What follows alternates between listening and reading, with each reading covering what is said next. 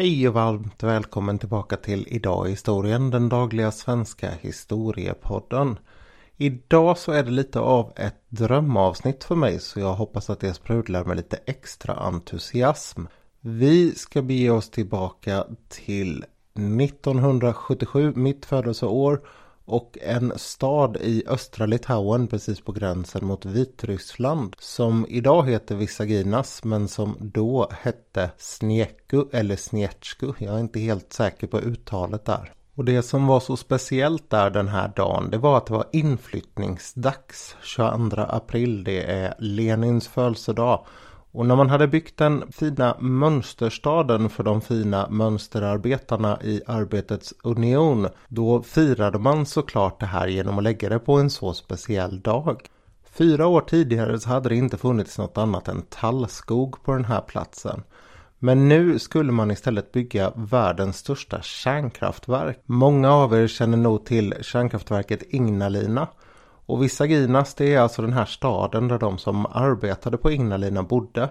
Precis på samma sätt som Tjernobyl hade den här lilla staden Pripyat bredvid sig. Det här sättet att bygga städer helt nytt från grunden och upp. Det var inte helt ovanligt i Sovjet och i östblocket. Istället så gjorde man det här väldigt medvetet och man gjorde det både som en politisk strategi och med en väldigt tydlig politisk symbolism. I Polen så är ju Novohutna väldigt känt och i Östtyskland, gamla Östtyskland så fanns ju Eisenhüttenstadt. Och sådana här städer de byggdes även i baltstaterna. Det finns Silla med i eh, Estland och det finns en stad som heter Stutska i Lettland som är ganska lik.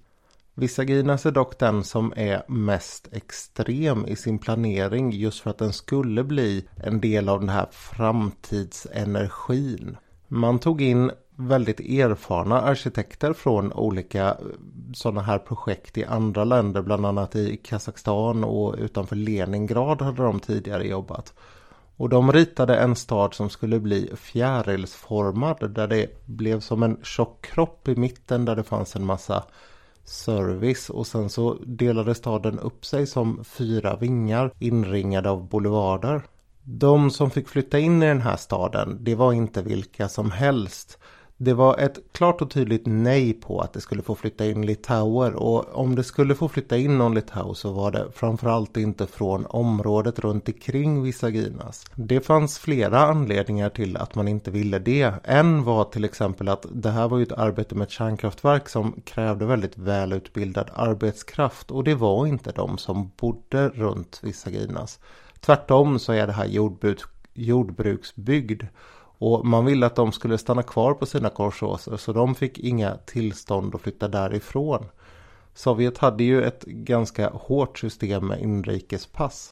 En annan anledning var att man ville undvika att det fanns irrationella rester som man kallade det. Det betydde saker som vi kallar för nationalism i den sunda formen och och eh, en känsla av att man hade förlorat sin frihet när Sovjet tog Litauen. Det skulle ju naturligtvis vara förödande ifall det bodde folk i den här fina staden som hade en tydligare koppling till Litauen än vad de hade till Sovjetunionen. Istället så fyllde man på med mestadels ryssar men även folk från de andra närliggande områdena som Ukraina och Vitryssland. Och den här taktiken som jag nämnde den har ju varit vanlig på andra ställen och det här som symboliken kommer in också. För den här staden den visade ju på målet med hela Sovjetunionen. Poängen var alltså att man skulle bygga en ny stad för en ny arbetarklass och där man väldigt tydligt visade på industrialiseringen och urbaniseringen och socialismen. Och vill man spetsa till det här så kan man säga att det handlade om en social ingenjörskonst för socialismen. Med det tydliga målet att ta bort den gamla livsstilen och de gamla traditionerna. Den som lyssnade när jag pratade om Margot Honecker vet vad jag menade. Det är bara att man gjorde det här på ett helt annat sätt. Snekus eller Snetskus, namnet på den här staden, det kommer från Antanas Snetskus som var ledare för kommunistpartiet i Litauen väldigt länge, 1940 till 1974. Och det är också vid den här tiden som man fattar beslut om att bygga staden. Det görs i Moskva 1973. De här människorna som flyttar in den här första dagen, de blir inte besvikna. Det räcker nämligen med att man ser staden så förstår man att den är något alldeles speciellt. Den är nämligen byggd till väldigt stor del i rött tegel och för den som har varit en del i Östeuropa eller i forna Sovjet så vet man att de har byggt väldigt mycket i sån här prefabricerad cement. Det här röda teglet det var istället ett uttryck för rikedom och status och att så stor del av staden var byggd i det det visade just på att det var ett ställe man satsade på. En annan sak som visade att det var en stad som man satsade på det var att staden, ansvaret för den var kopplat till Moskva och inte till Vilnius. Så när man skulle förses med mat eller andra varor då var det hela tiden Moskva som hade ansvaret för det här. Vilket gjorde att man hade det bättre än de andra människorna som bodde i Litauen. Och då ska man komma ihåg att Litauen var en väldigt rik del av det gamla Sovjet. Det är alltså inte som att man är rikast i ett väldigt fattigt område utan snarare så var det här någon form av Kalifornien i Sovjet och då bodde man alltså i en extra gynnad del av Kalifornien. Dessutom så tjänade man ungefär dubbelt så mycket som människor i resten av Litauen. Och om inte det räckte så hade man dessutom en egen affär som hette Renetas. Där var man tvungen att legitimera sig som boende i Visaginas för att få handla så att man skulle kunna stoppa folk från de här små byarna som fanns runt omkring. Eller folk som helt enkelt var gäster till de som bodde i Visaginas. Dessutom så hade man väldigt mycket bättre av den här gamla uttjatade nästan triumviratet med vård, skola och omsorg. Det var betydligt högre nivå på det än vad det var i resten av landet. Inflyttningen till Visaginas blir också enorm. Från 1979, två år efter att staden har haft sin första inflyttning då. Och tio år framåt så flyttade in 25 000 personer. Den absoluta toppen den nås 1990 med ungefär 35 000 invånare. Och idag så bor det ungefär 28 000 där. Sammansättningen på de här är ju lite skev mot resten av landet på grund av att man inte ville ha dit litauer. 1989 så var ungefär 7,5% litauer. 65% var ryssar och sen var det olika folk då från andra delrepubliker i Sovjet.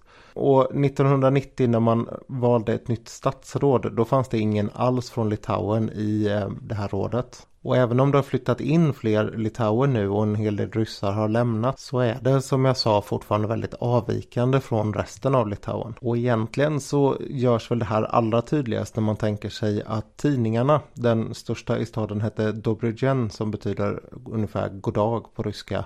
Den hade inte ens en litauisk tv-tablå för att det var ingen som tittade på litauisk tv där ändå. Det var dock stora problem som drabbade den här staden och det första problemet är Tjernobyl.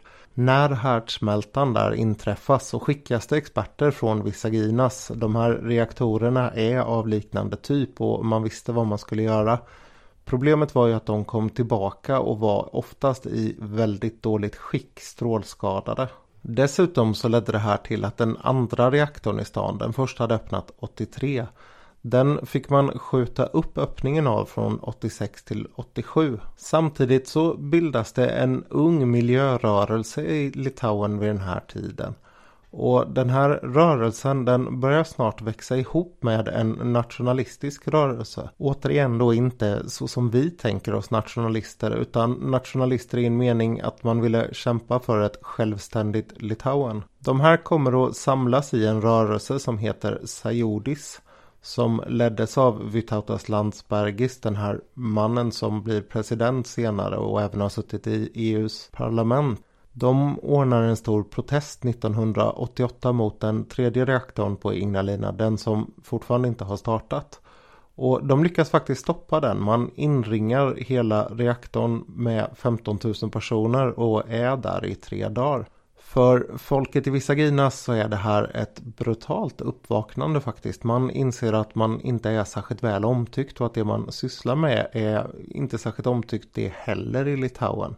Och det känns för dem som en attack på deras privilegierade livsstil. Det här problemet det blir bara större med tiden. När man 1990 utropar den litauiska självständigheten då sparkar man fullständigt bakut i Visaginas och säger att så här får man inte göra. 85% av staden de är emot att landet ska bli självständigt. Och det går faktiskt till och med så långt att man skriver ett brev till Mikhail Gorbachev där man ber honom om att han ska på något sätt, om det är möjligt, se till att eh, Visaginas, eller Snetski då som man säkerligen vill kalla det, ska tas tillbaka till Sovjetunionen om Litauen blir fritt. Därför det är ju trots allt byggt med sovjetiska pengar och resurser. Ett väldigt tydligt tecken på hur i otakt med tiden de här människorna är det är att de säger att vi måste faktiskt ha en folkomröstning om det här för det måste ske utifrån konstitutionen och riktig ordning. Samtidigt så har man protester runt om i hela Litauen där man hela tiden hänvisar till Molotov-Ribbentrop-pakten och hur Stalin och Hitler olagligt delade upp den här delen av Europa. Och det här är alltså då grunden för varför man tycker att man borde få sin självständighet från Sovjet. Man har ju blivit infogad på ett helt lagvidrigt sätt. Folket i Visaginas de är ju helt klart på den förlorande sidan i det här bråket och det som sker det är att man i september 1991 beslutar från sovjetisk sida att Ignalina det ska få tas över av Litauen. Och folket i Visaginas de gör det kloka valet i den här situationen att acceptera att man nu har blivit Litau. Det har studerats en hel del vad det här innebär för staden och det första som händer det är att man i tidningarna börjar skriva en form av så här blir du Litau-del. Man lär ut språket, man lär ut kulturen och framförallt när sedlarna, de nya litauiska sedlarna kommer så får man skriva och förklara vilka personerna på dem är. Så man kan till exempel ta en 20 lita sedel och se att Maironis, en väldigt känd poet och präst i Litauen, det är lite som våran Pushkin skriver man. Samtidigt så visar sig den här rysk-dominansen i Visaginas genom att det är 1994 som man börjar ha en litauisk-språkig del i den här tidningen Dobrodjen. En annan och lite mer udda effekt det här får det är att eh, det har inte egentligen funnits några kyrkor i Visaginas. Eh, kommunister är ju inte helt förtjusta i religion och när sen Sovjet faller då väcks den här religiositeten upp igen. Man börjar bygga en hel del kyrkor och framförallt då så är det ju katolska och ortodoxa kyrkor som kommer. Men det blir också tack vare att det saknas en, en tradition eller en infrastruktur för religion om man kan säga så. En hel del av new age eh, mystik kring staden. Vilket också lockar en hel del folk från andra delar av Europa. Själv så åkte jag dit för ungefär tio år sedan. Um, oerhört lockad av det här sovjetiska som hänger kvar i staden. Det var ett slags sista utpost för Sovjet i Litauen. Och det märks inte minst på att det fortfarande finns en gata i staden som heter Sovjetgatan. Det är den enda i Litauen där det namnet finns kvar. Jag har, om jag får bli lite personlig här, en oerhörd nyfikenhet på Sovjet. Jag har väldigt svårt att förstå hur man levde och bodde och hur vardagen var där. Hur mycket man än läser om det så finns det någon sån här sista del av upplevelsen som känns väldigt svår att förstå. Och därför ville jag se den här staden och se hur en mönsterstad, en framtidsstad i Sovjet såg ut. Så som jag sa för ungefär tio år sedan så begav jag mig dit. Jag packade in mig och min far i en bil och for rakt igenom Litauen. Gjorde lite andra spännande saker på vägen i och för sig. Men eh, det var en väldigt udda upplevelse att köra in i Visaginas. Man kommer bokstavligen rakt ur en tallskog och rätt upp på en stor boulevard. En av de här ringarna som skapar fjärilen. Och staden den är ganska häftig just för att den är byggd på det här otroligt täta sättet. Det sägs att det fanns en åtta minuters princip när man konstruerade den. Där poängen var att var man än bodde så skulle man på åtta minuter kunna gå till centrum. En annan sak som är väldigt tydlig det är planeringen kring hur familjen ska finnas i det offentliga rummet. Alla små barns lekplatser de ligger nära husen och sen ju äldre barnen blir ju längre bort från husen så kan man lägga de här ställena de är på, större lekplatser eller fotbollsplaner och liknande. En annan sån här omtanke som man visade människan det var att man har separerat gång och cykelvägar och att gångvägarna de har plattor medan man har slät och fin asfalt för cyklarna att rulla på alldeles bredvid. Och som vi upptäckte där en kväll i Visagina så har det en lite speciell del av stadens historia. För när man kommer och går på en av de här gatorna då tvärt så bara slutar gångvägen och så fortsätter cykelbiten en liten väg till. Och sen finns det de här atomliknande gatlamporna som är i stan. Överallt så påminner man om kärnkraften och den goda atomen. De fortsätter en bit in mot en skogsdunge och vi gick in där och kikade för det stod hus där som såg väldigt märkliga ut. Och då står det färdigbyggda hus, jag minns inte exakt men sju, åtta våningar höga där man har satt igen de nedre våningarna och så står det bara gapande tomt uppåt. Och det är alltså här som alla människorna skulle ha bott när Tjernobyl small och när man stoppade den här tredje reaktorn från miljörörelsen och Sayodis håll. Så här kan man eh, återigen, om man vill spetsa till det en aning, bokstavligen se var kärnkraften i Sovjet tog slut. Det sorgliga med det här det är att det som inte dog då det dog istället ihop med Litauens frihet. EU de satte ju stor press på att man skulle stänga ner Ignalina som nog många kommer ihåg. Man var ju rädd för en stor olycka på det här kärnkraftverket. Och den sista reaktorn den bommade man igen 2009. När vi var där så åkte vi ut till Ignalina och pratade med deras pressavdelning.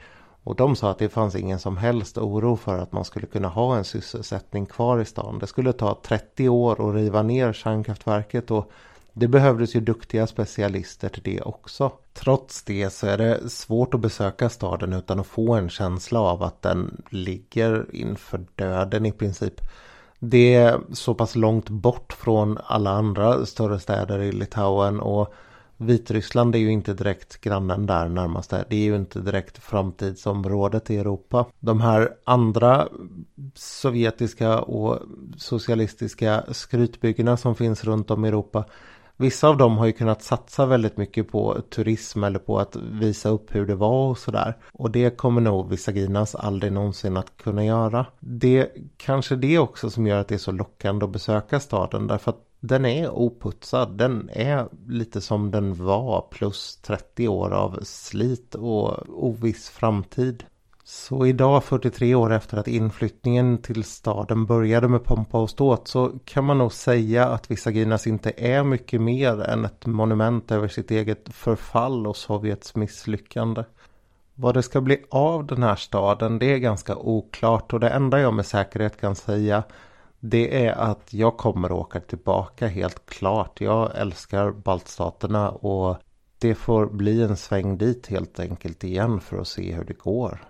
Om jag har inspirerat någon av er andra att eh, komma på liknande tankar då blir jag väldigt glad. Med det sagt så återstår faktiskt bara för mig att tacka för att du lyssnade idag och säga på återseende imorgon. Tack och hej, allt gott!